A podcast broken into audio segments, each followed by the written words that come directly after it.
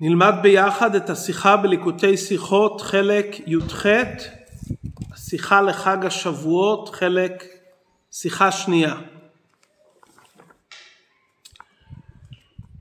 חג השבועות קשור לשלושה מנשיאי ישראל. משה רבינו שנתן את התורה בחג השבועות, דוד המלך שהסתלק בעצרת, והבעל שם טוב שגם הסתלקותו הייתה בחג השבועות. מכיוון שכל עניין הוא בהשגחה פרטית, בוודאי דברים שאירו עם עם ישראל בכלל ועם גדולי ונשיאי ישראל בפרט, בוודאי שיש נקודה משותפת למשה רבינו, דוד המלך והבעל שם טוב. ובוודאי שהנקודה המשותפת קשורה עם התוכן העיקרי של יום זה בענייננו חג השבועות. ובוודאי שכל אחד מהם נותן איזו נקודה מסוימת שאין בחברו. כלומר, יש מכנה משותף בין שלושתם לחג השבועות, ויש נקודה מסוימת שמתבהרת דווקא על ידי משה רבינו, דווקא על ידי דוד המלך ודווקא על ידי הבעל שם טוב. אחת הנקודות המשותפות בין שלושתם, שכל אחד מהם היה מלך ונשיא בעם ישראל, וכל אחד מהם היה ראשון בסוג של המלוכה והנשיאות שלו. משה רבינו היה הנשיא הראשון של עם ישראל, כפי שהרמב"ם פוסק מלך היה, המלך הראשון של עם ישראל. דוד המלך היה ראש וראשון למלכות בית דוד. הוא זכה ראשון בכתר המלכות של מלכות דוד, ומאז הובטחנו שלא תיכרת המלוכה מזרע דוד לעולם. הבעל שם טוב היה ראשון לנשיאי החסידות הכללית. אם כן, מובן השייכות שלהם לחג השבועות כי אחד העניינים העיקריים שנתחדשו בשעת מתן תורה, שכל אחד ואחד מבני ישראל קיבלו את התואר, ואתם תהיו לי ממלכת כהנים, שרים. מי נותן ליהודי את הכוח להיות מלך? איך זה מתגלה? זה מתגלה ובא לידי ביטוי על ידי כל אחד מנשיאי ישראל שבכל דור, כי הרי הנשיא הוא המלך. ושלושת הנשיאים הללו, משה רבינו, דוד והבעל שם טוב, נותנים לנו עניינים עיקריים בעניין המלוכה. מה זה מלך? מה זה מושג המלכות? הנקודה העיקרית של מלכות זה התנסות. המלך מרומם ונבדל מהעם. אסור לו להשפיל את עצמו ולעשות מלאכה בפני העם. העם צריך לספק לו את כל צרכיו בהרחבה המלך עליו נאמר מלך ביופיו תחזינה עיניך. שום דבר מהמדינה אין בכוחו לעכב את המלך ממילוי רצונו. כפי שאמרו חכמינו, המלך פורץ גדר ואין מוחין בידו. אמר מלכה, עקר טורה. המלך אומר משהו, ההר נעקר. כלומר המלכות זה רוממות, זה הבדלה, זה היכולת של המלך להנהיג את המדינה. מתן תורה פעל בעם ישראל את עניין המלוכה. בשעת מתן תורה הקדוש ברוך הוא רומם את עם ישראל מכל עם ולשון, רומם אותם מהעולם ונתן לנו את הכוח שלעולם לא נהיה נתונים תחת ממשלת גדרי הטבע. שעם ישראל עושים את רצונו של מקום והם נוהגים על פי תורה ומצוות בשלימות, לא רק שהם מקבלים את כל צורכיהם בהרחבה, יתרה מכן, הם לא זקוקים לחרוש ולזרוע, מלאכתן נעשית על ידי אחרים. כלומר, בשעה שבא ליהודי עניין של תורה ומצוות, עליו להתנהג כמלך. כשם שמלך לא מוטרד, לא מודאג, הוא מקדיש את עצמו לעניין, כאילו לא היו לו שום מלאכות ודאגות אחרות כאדם שמספקים לו כל צרכיו בהרחבה. כך כל יהודי שעושה את רצונו של מקום ונוהג על פי תורה ומצוות בשלימות,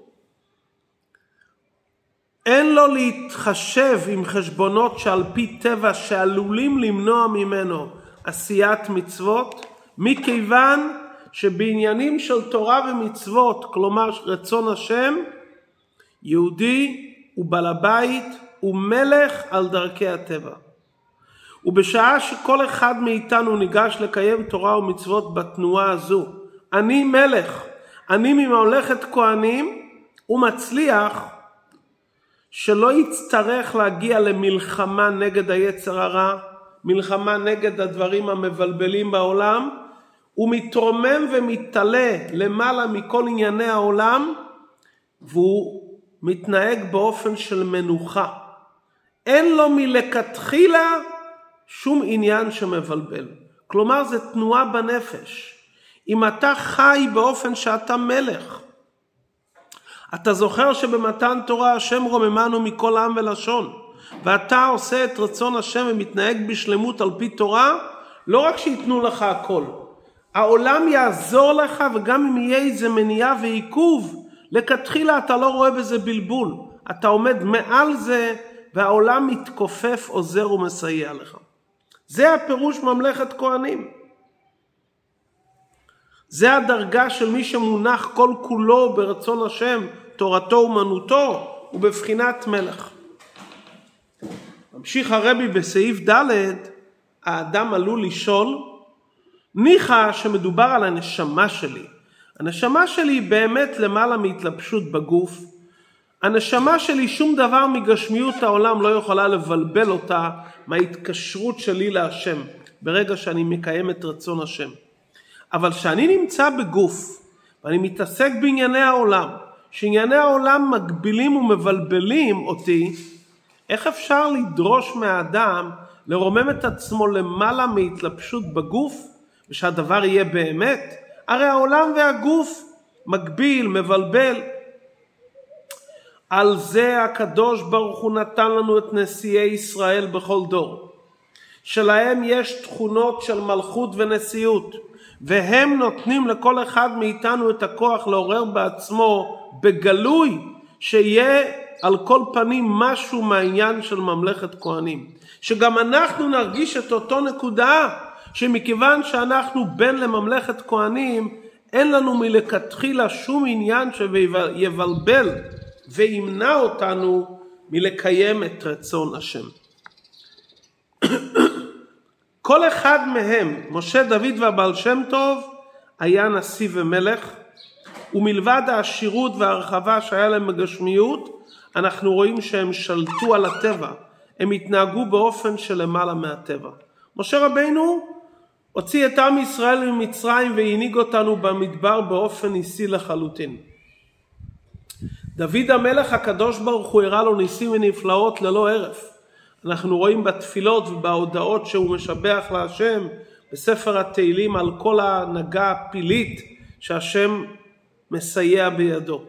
הבעל שם טוב מפורסם על הבעל שם טוב ותלמידיו שההנהגה שלהם הייתה מלאה בניסים ובנפלאות. היום אנחנו רגילים על כל סיפור פלא לומר הבעל שם סקמייסה. זה סיפור מתקופת, מהבעל שם טוב. אם כן בוודאי שהמשה רבינו, דוד והבעל שם טוב נתנו לנו את ההנהגה הניסית איך אפשר לחיות בעולם באופן ניסי. נו, עד כאן הבנו את הנקודה המשותפת בין משה, דוד והבעל שם טוב לחג השבועות ולכל אחד מאיתנו. ננסה עכשיו להבין יותר בעומק מה ההבדלים ביניהם, בהקדים לבאר מה קרה במתן תורה. במתן תורה בעצם היה שלושה עניינים. ראשית כל, עצם ההתגלות האלוקות שהייתה במתן תורה. וירד השם על הר סיני. זה היה דבר שהוא לגמרי למעלה מטבע העולם. אבל זה היה זמני. נקודה שנייה הייתה במתן תורה, כהמשך להתגלות האלוקית של וירד השם על הר סיני, גם לאחר שהסתיים העניין של מתן תורה, במשוך היובל שהשכינה נסתלקה ונפסק הגילוי אור שהיה במתן תורה, העולם הזדחך שמכאן ולהבא יותר קל לגלות אור אלוקי בעולם. כלומר המעמד של מתן תורה נתן כוח לעם ישראל שיוכלו לגלות אור אלוקי בעולם בקלות יותר. זו הנקודה השנייה. הנקודה השלישית, מה התכלית של מתן תורה? לחבר עליונים ותחתונים. לעשות את העולם דירה להשם, שגם בהיעלם של העולם הזה במקום שלא נראה וניכר העניין האלוקי, חושך כפול ומכופל של עולם הזה שנקרא עולם הקליפות.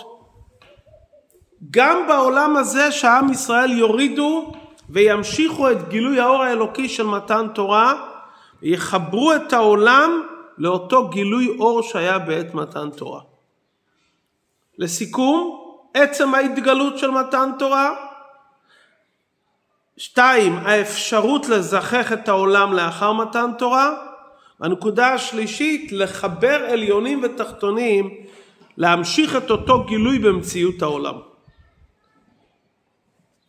שלושת העניינים הללו באים לידי ביטוי בכללות בשלוש התקופות של עם ישראל. דור המדבר, תקופה ראשונה, תקופה שנייה בזמן שעם ישראל בארץ ישראל על אדמתם, ותקופה שלישית זמן הגלות. כשעם ישראל היו במדבר, הם היו נשמות בגופים, אבל בעצם כל אותם 40 שנה היה מעין ההתגלות של מתן תורה. הם חיו במדבר במקום שמופרשים מענייני העולם, העננים גיהצו להם את הבגדים, מים מבעירה של מרים, מן מן השמיים, הנהגה ניסית למעלה מדרכי הטבע בכל ענייניהם, כדי שהם יוכלו להקדיש את עצמם ללמוד ולקבל את התורה. כדברי חכמינו לא ניתנה התורה אלא לאוכלי המן. תקופה של ניסים. בעצם זה המשך של המעמד של הר סיני. גילוי אלוקות 40 שנה. זו התקופה הראשונה. תקופה שנייה, שעם ישראל נכנסו לארץ ישראל, ארץ נושבת, נכנסו לסדר חיים באופן טבעי, זורים, חורשים וכולי, אבל ארץ הקודש זה ארץ שההשגחה העליונה נמצאת בגלוי. ארץ אשר השם אלוקיך דורש אותה תמיד. עיני השם אלוקיך בא מראשית השנה ועד אחרית שנה. למטר השמיים תשתה מים. רואים בגלוי שהקדוש ברוך הוא זן ומפרנס לכל.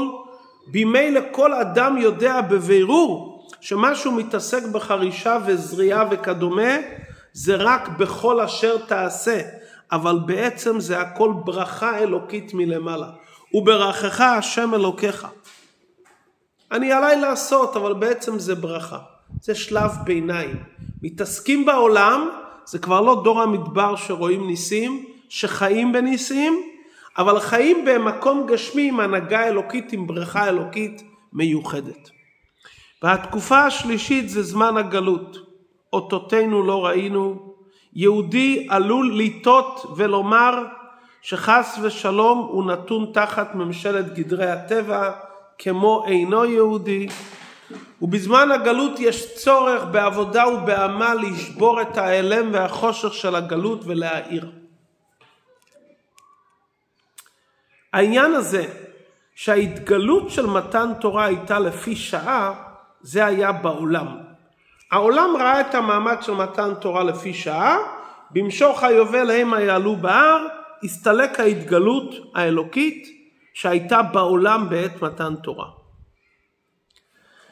אבל בנוגע לעם ישראל, מתן תורה קבע בנו את התכונה שלעולם נהיה ממלכת כהנים. ואת זה עלינו לזכור. זה לא זמני, זה נצחי, זה קבוע. שכל אחד מבני ישראל, בכל מצב שהוא נמצא, בפנימיות נפשו ולמעלה לגמרי מגדרי העולם שמסביבו. והוא לא משועבד לגמרי לדרכי הטבע. את המתנה הזו, את הכוח לזה, קיבלנו בשעת מתן תורה. לכל אחד בפנים, היום, כרגע, בפנימיות נפשו, יש מקום שהוא למעלה מגדרי העולם. צריך רק להתחבר לאותו מקום, ואז אנחנו לא משועבדים לגמרי לדרכי הטבע. ואת הנקודה הזאת, לגלות את הנקודה של ממלכת כהנים, שאנחנו למעלה מגדרי הטבע, כאן יש הבדל בין משה, דוד והבעל שם טוב, מה כל אחד נתן לנו. משה רבינו שנתן את התורה, והתורה נקראת על שמו, הוא פעל והשפיע על בני דורו שהם קיבלו את התורה נשמות בגופים, שאצלם באופן גלוי, בגשמיות, כפשוטו, הם יראו, ירגישו שהם ממלכת כהנים. הם קיבלו הרי את כל צורכיהם מלמעלה, מן, ענני כבוד, ללא עמל וללא יגיעה. כל אחד מהם היה להם עשירות הרחבה. סדר החיים שלהם התנהל באופן ניסי. את זה נתן משה רבינו לדור שלו, שהם יראו וירגישו בגלוי שהם ממלכת כהנים. הרי בעת ירידת המן ירד להם גם אבנים טובות ומרגליות, מלבד ביזת מצרים וביזת הים. משה רבינו היה עשיר והתעשר מפסולתן, מהפסולת של הלוחות. הכל היה תוצאה בדרך טפל מהתורה שלו, היה לו הרחבה בגשמיות, כדי שהוא יוכל להתעסק עם תורה. כל הדור של משה רבינו היה דור ניסי, שהם קיבלו את השפע הגשמי באופן ניסי, ממילא הם היו במנוחה כממלכת כהנים. עולם הזה לא בלבל אותם לחלוטין. אבל כשנכנסו לארץ ישראל והמן נפסק, לחם מן השמיים, מים מבארה של מרים וכולי, כי תבואו אל הארץ שש שנים תזרע שדיך. נכון שבארץ ישראל ההשגחה העליונה היא באופן גלוי, כלומר שהפרנסה באה מלמעלה, אבל זה עצמו שאדם זקוק לעשות כלי על פי דרך הטבע, עלול לתת מקום לסברה שההתעסקות שלי יש לה תפיסת מקום והיא יוצרת את השפע. וזה יכול לבלבל את האדם מתורה ומצוות. כי בארץ ישראל כבר אומרים לאדם עליך לחרוש ולזרוע, עליך להתעסק עם המציאות של העולם. בוודאי שיש כאן איזו תפיסת מקום. בא דוד המלך ונותן לעם ישראל את הכוח שגם בארץ נושבת יהודי יוכל להיות בגלוי בן לממלכת כהנים. כלומר, שהוא יבוא לידי הכרה שהפרנסה שלו באה אך ורק מלמעלה. ממילא היא תהיה גם בהרחבה. ובעצם גם בארץ ישראל שחורשים וזורים, בשורש ובפנימיות זה עניין ניסי שלא שייך לדרכי הטבע לגמרי. ההתעסקות שלו בדרכי הטבע זה רק לפי שזה רצון השם. הקדוש ברוך הוא רוצה שיהיה התעסקות בדרכי הטבע. וברכך השם בכל אשר תעשה. הקדוש ברוך הוא אומר לו אתה תתעסק בדרכי הטבע. ממילא מובן שבשעה שעומדים לאדם עניינים של תורה ומצוות, הוא מקיים את זה בלי שום בלבולים כמו שהיה ההנהגה של המן. את זה נותן דוד המלך שהיה בארץ ישראל ונתן לנו את הברכה ואת השפע שעם ישראל צריכים פרנסה באו לדוד המלך ודוד המלך בהנהגה שלו הראה לעם ישראל שגם בארץ ישראל שחורשים וזורים ומתעסקים בדרכי הטבע שיהודי ירגיש שהוא ממלכת כהנים שיבוא לידי הכרה שכל השפע בעצם זה עניין ניסי. למה אני מתעסק בדרכי הטבע? כי הקדוש ברוך הוא ביקש, זה הרצון שלו, שיש שיתוף של דרכי הטבע. אבל בעצם אני ממלכת כהנים, אין לי שום דאגות. זה השלב השני. השלב השלישי, לאחר שהתחיל חושך הגלות, וזה נהיה עמוק יותר הגלות, ומצד צוק העיתים עם ישראל נעשו שקועים לא רק בעשיית מלאכה ככלי לפרנסה, אלא לצערנו מצד הגלות עם ישראל היו שקועים בטרדות הפרנסה. לא סתם לעשות כלי. ואז האדם זקוק לנתינת כוח מחודשת, גבוהה יותר, כדי שיוכל לעורר בעצמו את ההרגשה שהוא מלך. כי האדם יכול לומר, היום שיש כל כך הרבה העלמות והסתרים על קיום התורה והמצוות? מספיק שאני מקיים תורה ומצוות, זה כרוך עם מלחמה, עם יגיעה, הלוואי שאצליח להתגבר על כל הקשיים שיש היום בקיום התורה והמצוות. ואני עוד יעדר במצוות ויוסיף בלימוד תורה. אבל מה? היום בתקופה של חושך כפול ומכופל, אני יכול להרגיש ולחוות שאני בן מלך, שאני ממלכת כהנים, כאילו כל ההיעלם, כל הבלבולים לא נמצאים, כמו מלך. שהמלך אומר, אני לא יודע על מה אתה מדבר, יש לי הכל ואין לי שום דאגה. שואל היהודי את עצמו, אני יכול ככה להתנהג? בא בעל שם טוב ואומר ליהודי, גם בעומק זמן הגלות אתה יכול להתעלות מכל הסביבה. אתה יכול לחוש שאתה בן לממלכת כהנים. אתה יכול להרגיש את ההשגחה הפרטית בתכלית. אתה יכול להרגיש איך שהקדוש ברוך הוא מתנהל איתך בחיי היום יום בהשגחה פרטית בכל פרט ופרט.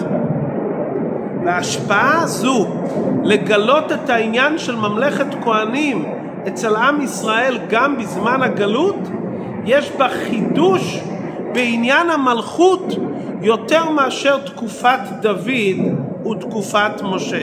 ומדוע? זה שיהודי יכל להרגיש ממלכת כהנים בהיותו במדבר, נו מה החידוש? במדבר הרי היינו בארץ לא זרועה, במקום שהיינו מובדלים מן העולם, הברור שרואים כאלו ניסים מרגישים ממלכת כהנים. שיהודי בארץ ישראל, הוא אומר, טוב, נכון שחורשים וזורים, אבל בכל זאת זה ארץ ישראל. ולכתחילה במצבים כאלו אני לא משועבד כל כך להגבלות עולם הזה.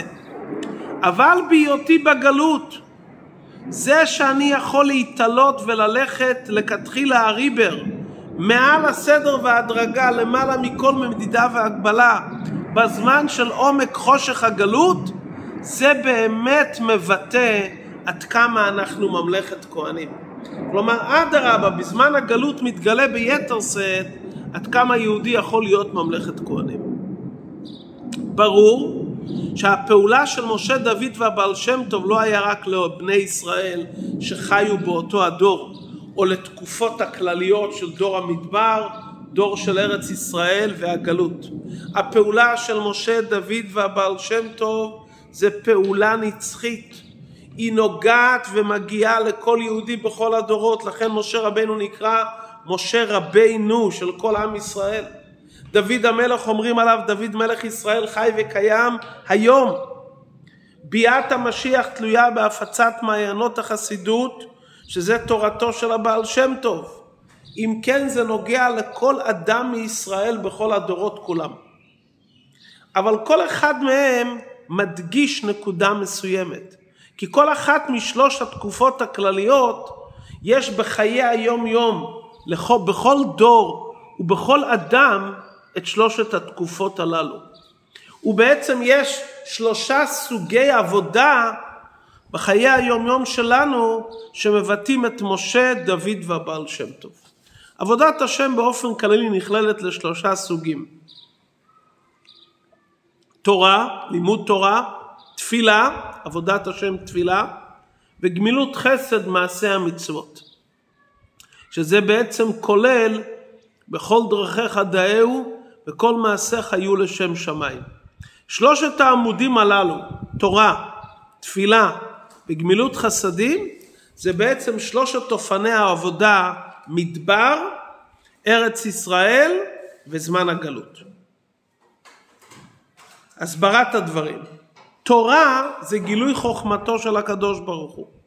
כשיהודי לומד תורה הוא לוקח את החוכמה העליונה שקיבלנו מלמעלה והתפקיד של היהודי לגלות את חוכמת השם כאן. כשיהודי לומד תורה הוא מתעלה מעל העולם כמו שבני ישראל היו במדבר. כשיהודי לומד תורה הוא נעשה מלך כמו שחכמינו אומרים בתלמוד רבנן יקרו מלכים. תלמידי חכמים נקראים מלכים הם מושלים ושולטים על הטבע לימוד תורה זה מלך. כמו שלמדנו מליקוטי תורה שכל האותות והמופתים שעשו התנאים והאמוראים וכל הצדיקים זה בכוח תורתם.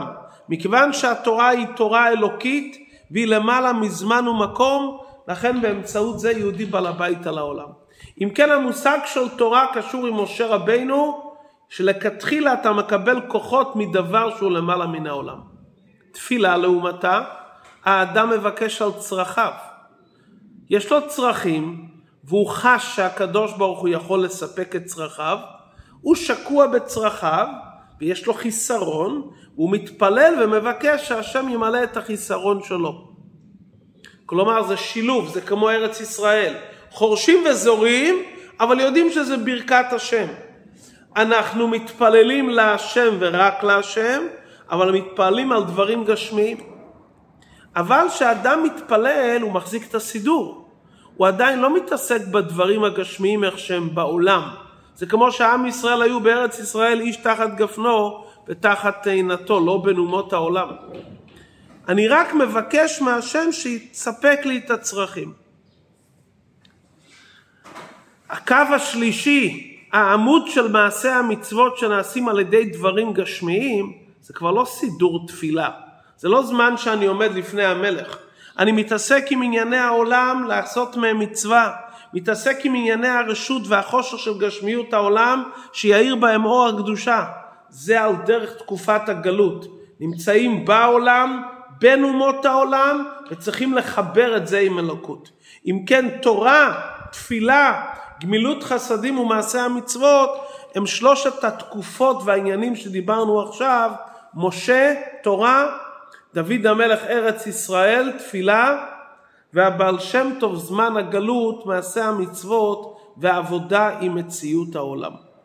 משה רבינו שעניינו תורה נתן לנו את עצם המושג של ממלכת כהנים. שיהיה לנו אפשרות להיות מראי תורה, שיהיה לנו זמן ביום שנהיה תורתו אומנותו, שאנחנו נהיה לגמרי באופן של בירור, לברר את העולם מלמעלה למטה בדרך מנוחה. כל יהודי יש לו בחינת משה שיכול להתחבר לתורה מעל העולם, להסיר מעצמו לפי שעה את ענייני העולם, את הדאגות ולהיות שקוע כל כולו בתורה על דרך תורתו אומנותו של רבי שמעון בר יוחאי שהיה ניצוץ משה רבינו מנותק לגמרי ממציאות העולם. דוד המלך נותן לנו כוח להתפלל, הוא כתב את התהילים, אבל הוא נותן לנו להתפלל באופן כזה של מלך שמתפלל, שאדם מבקש את הצרכים שלו וכמו שמלך מבקש מיד עונים לו, שמתפללים בסגנון של ספר התהילים שהוא גם תורה וגם תפילה. זה אחד מכ"ד ספרי הקודש, וזה תפילה, תכף ומיד בלי שום הגבלות מקבלים את הבקשות. כמו שרבי שמעון בר יוחאי הוריד את הגשמים באמצעות שהוא אמר דברי תורה על הפסוק הנה מה טוב ומה נעים מיד התחלו גשמי ברכה באופן רצוי כי זה לימוד תורה שבא באופן עליון. ככה זה דוד המלך נותן ליהודי את הכוח להתפלל תפילה שהיא בעצם באופן של מנוחה, תפילה שבאה מלמעלה למטה, לא תפילה רגילה שהאדם מבקש והוא נמצא למטה, ואז שהוא מטפס יכול להיות שיהיה מניעות ועיכובים, האם הבקשה תתמלא, או אם היא תתמלא במילואה וכמה היא תתמלא. אבל ברגע שיהודי מתנהג כממלכת כהנים תפילה שקשורה עם קו התורה, עם תורתו אומנותו, על דרך דוד המלך, אז העבודה שלו מתקבלת והתפילות שלו מתקבלות. זה דוד. הבעל שם טוב גילה לנו ונתן לנו את הכוח לגלות אחדות השם בעולם. לגלות שהאמיתיות המציאות של כל נברא זה דבר השם שמהווה, מחיה ומקיים אותו בכל רגע. ואת זה הבעל שם טוב גילה באמצעות תורה שהוא אמר על הפסוק לעולם השם דברך ניצב בשמיים שדבר השם נמצא בתוך העולם ולכן יש לנו כוח לגלות את אחדות השם לא רק שלומדים תורה מהי כמה שמלן לא רק שמתפללים שמחזיקים סידור אלא גם שנמצאים בתוך מציאות העולם לגלות אחדות השם וזה נותן כוח לכל אחד מאיתנו שגם אם האדם טרוד באיזה דבר גשמי ולפעמים אפילו בחומריות של העולם והוא לא רואה שום עניין אלוקי, והבירור כרוך עם מלחמה, גם את זה הוא עושה כמו ממלכת כהנים. גם מתי שהוא יוצא למלחמה, הוא יודע שהוא בן של ממלכת כהנים, ולכן הוא יודע שהוא על, הוא יותר מרומם מכל האויבים, ואם הוא ככה יוצא, בוודאי שהניצחון יבוא מלמעלה, באופן של נתנו השם אלוקיך בידיך, ושבית שביו. הוא לוקח את הניצוץ האלוקי ששבוי בכל הדברים הגשמיים בגלות, מוציא את הניצוץ עד שמתקיים העניין של איתפחה חשוכה לנאורה ומרירו למתקה.